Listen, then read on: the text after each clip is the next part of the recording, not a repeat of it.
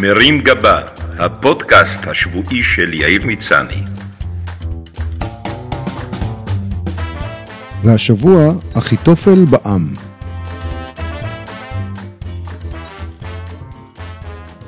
לאחרונה מצאתי את עצמי מתלבט בסוגיה פילוסופית. האם עליי לתרום מהידע שצברתי במהלך חיי ולחלוק אותו עם אנשים זרים שאני רואה ברחוב ושלדעתי עומדים לעשות טעות מרה? או שאני צריך להעדיף את עקרון הפרטיות, להימנע מדחיפת אפי לעניינם של אחרים ולהשאיר אותו תחוב מאחורי המסכה. אף שתמיד ידעתי שדעתי לא מעניינת אף אחד, עם השנים פחתה אצלי הבושה בקשר לתהייה מה יגידו עליי. ויתרתי על הקוליות שאופיינית לטיפוסים קורקטים ולא מתערבים, וגבר בי הרצון להיכנס לעמדת היועץ. לא פעם שיתפתי בעניין את הגברת הראשונה, גם היועץ צריך להתייעץ.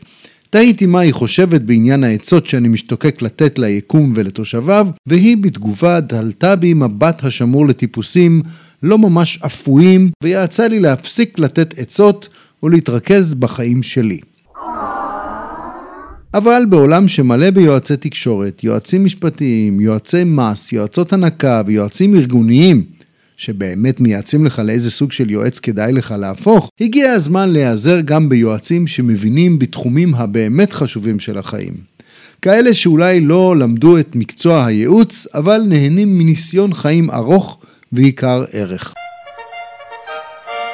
למשל, כשאני רואה ילד בוכה בבכי מר ללא דמעות, וצורח שהוא רוצה ארטיק, ואת אמו הצעירה נבהלת מהבכי, ממהרת להרים אותו על הידיים ולרוץ לקיוסק כדי לנטרל את הבעיה בגלידה בגודל של בימבה, יש לי המון עצות לתת לה בכל הקשור לסמכות הורית, לדחיית סיפוקים, לצריכת סוכר ולנזקים לעמוד השדרה כתוצאה מהרמת ילדים. תובנות שרכשתי ולמדתי על בשרי ועל גבי ושאשמח לתרום לה בכיף כבעל ניסיון וכנודניק כרוני. Thank you. כשאני עומד ליד חנות חיות ורואה הורים שעומדים לרכוש לילד אוגר ובטוחים שבכך הם עושים מעשה חינוכי שיקנה לילד תחושת אחריות, מתחשק לי לייעץ להם שירדו מזה. הרי תחושת האחריות של הילד תעבור אחרי יום ואין עליה אחריות.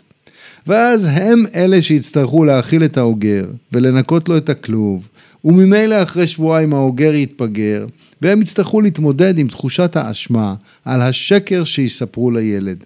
שהם שחררו את האוגר בארץ האוגרים, שם הוא עושה חיים ורוכב על חד קרן.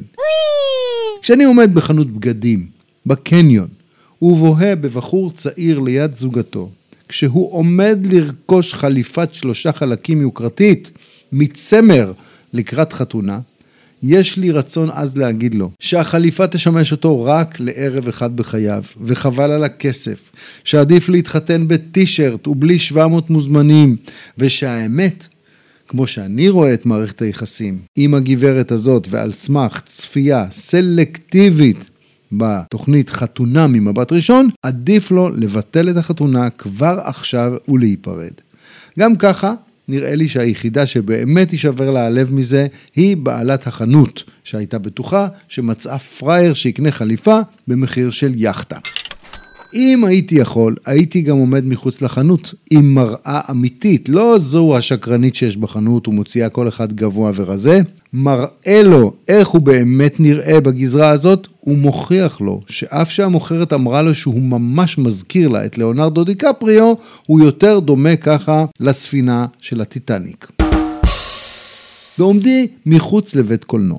כשאני רואה זוג מתלבש עם לרכוש כרטיסים לסרטו עטור השבחים של הבמאי השוודי יולפס פריקנפלץ, שתיקות של שניים בחדר, בא לי להגיד להם שעדיף לוותר. ראיתי את הסרט, או לפחות את חצי השעה הראשונה שלו, שאכן מדובר בשניים ששותקים בחדר במשך שעה ועשרים, ובעשרים צופים שנוחרים באולם, ושאם אתם בעניין של אווירה שוודית, עדיף כבר ללכת לאיקאה, לפחות שם הזוגות לא שותקים, אלא צועקים אחד על השני בוויכוח אם לקנות כוננית. ייי! בטוח שגם לכם קרה שעמדתם בחנות למוצרי ספורט, וראיתם אדם שעומד לרכוש הליכון יוקרתי, וממש עצרתם את עצמכם מלהגיד לו, עצור! הרי ניסיון החיים כבר לימד אתכם שהשימוש היחיד של המכשיר הזה יהיה כמתלה לבגדים. וגם אופני המרוץ ב-30 אלף שקלים לא יביאו אותו לטור דה פרנס, מקסימום לעליות בכרמל צרפתי או לבוידם. נעלי הריצה היוקרתיות שהוא עומד לקנות יתיישנו בארון בזמן שהוא ממשיך לרוץ מהספה למקרר וההרשמה למכון הכושר תסתיים בשני ביקורים בלבד. עם יד על הלב, ביום שישי בערב, כשמתחילה בסלון שיחה על התארגנות לנסיעה בשבת בבוקר לאיזה אגם שכנראה אין בו מים אבל יש בו ים של יתושים ב-40 מעלות, לא בא לך להגיד לכולם עצרו! אני מייעץ לכולנו לישון עד עשר במזגן ולא לצאת לשום מקום, או שזה רק אני.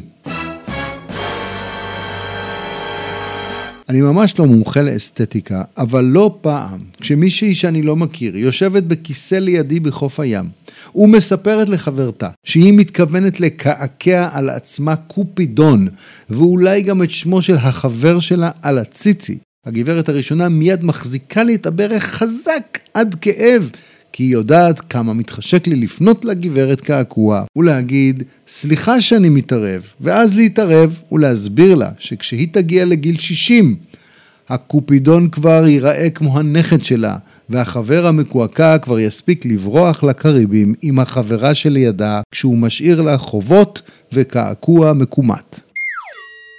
גם כשאני רואה מישהי שמרוב ניתוחים פלסטיים כבר אין לה יכולת הבעה, ושפתיה עומדות להתפקע, בא לי להגיד לה שלמרות שאני נטול סמכות רפואית, ולי עצמי יש שלושה סנטרים, לדעתי היא כבר יפה מספיק ואפשר לעצור פה.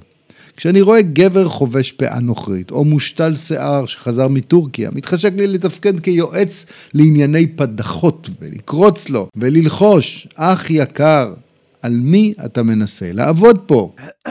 לפני הקורונה ביקרנו במסעדה חדשה, שטוב היה אילולא נפתחה. השף הזכיר לי באיכות בישוליו את עצמי, כלומר מספיק בקושי להכין חביתה. מובן שעד סוף הארוחה שבה היינו השולחן המאוכלס היחיד, היה לי נאום ייעוץ מוכן על כך שעוד לא מאוחר לשנות את הייעוד של המקום למוסך או לתחנת דלק. אבל מבט קצר מרעייתי הבהיר לי שטוב ואעשה אם אשתוק. בון אפטי. אין לי ספק שהעצות שלי יכולות לתרום הרבה לחברה ולקדם את האנושות כמה צעדים קדימה. עם זאת, מכיוון שרובן אינן פרודוקטיביות ומתמקדות בעיקר במה לא טוב ובמה לא כדאי לעשות, לקח זמן עד שמצאתי מודל כלכלי שיצדיק אותם. הבנתי שמכיוון שמדובר בעיקר בעצות שליליות, שנועדו למנוע מאנשים, למשל, לקנות דברים, יהיו בעלי עסקים שישמחו לשלם לי כדי שאפסיק לייעץ ללקוחות שלהם. בעלי חנויות הבגדים, אביזרי הספורט או חיות המחמד, הרי הם יעדיפו לשלם לי כדי שאפסיק להסתובב ליד החנויות ולנדנד ללקוחות ופשוט אשתוק. נועצתי שוב ברעייתי ושאלתי אותה האם לדעתה יש פה סטארט-אפ ופיצוח כלכלי. נדמה לי שהרעיונות הדבילים שלי קצת נמאסו עליה והיא העדיפה להפנות אותי לחבר שהוא יועץ ארגוני וכלכלי וגם בוגר לימודי פסיכולוגיה, כך שהוא יוכל לבחון על הדרך האם אני זקוק לטיפול. החבר שמע על הרעיון שלי ואמר שעסק אין פה, ואין מצב שאנשים ישלמו כדי שאפסיק לייעץ. מצד שני, טיפול פסיכולוגי לאחד כמוני יכול להימשך שנים. טיפול יעלה לך המון כסף, הוא אמר. עדיף שתמשיך לבלבל את המוח לאחרים, וזה הרבה יותר זול. מקסימום זה יעלה לך באיזה רסיה מדי פעם. מרים גבה, הפודקאסט השבועי של יאיר מצני.